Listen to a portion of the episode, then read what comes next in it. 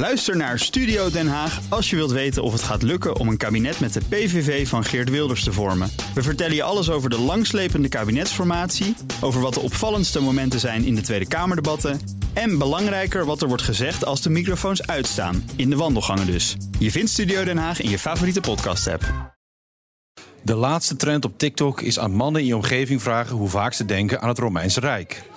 De TikTok-trend op het Binnenhof is zeggen hoeveel je geeft om bestaanszekerheid. Van de PVV tot aan GroenLinks PvdA, van Sigrid Kaag tot aan de koning. Iedereen doet er vrolijk aan mee. Maar alle bestaanszekerheidsbetuigingen ten spijt. Vandaag was een Prinsjesdag die vooral ging over dingen die er niet waren.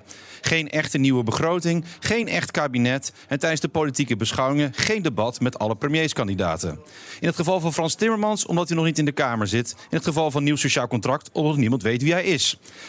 Premier Rutte noemde hier bij BNR de roemde hier bij BNR de afgemeten reactie. Niet te hard van stapel lopen. Het gevolg is wel dat we afgelopen Prinsjesdagen het iedere keer hadden over dezelfde problemen. Laten we hopen dat met die trend wordt gebroken en knopen worden doorgehakt. Maar wat er ook gebeurt, wij zijn er volgend jaar gewoon weer.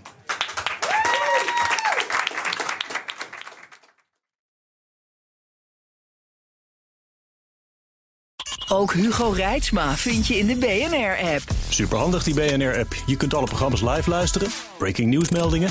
Je blijft op de hoogte van het laatste zakelijke nieuws. En je vindt er alle BNR-podcasts, waaronder natuurlijk de belangrijkste, Boeken zijn in de wijk.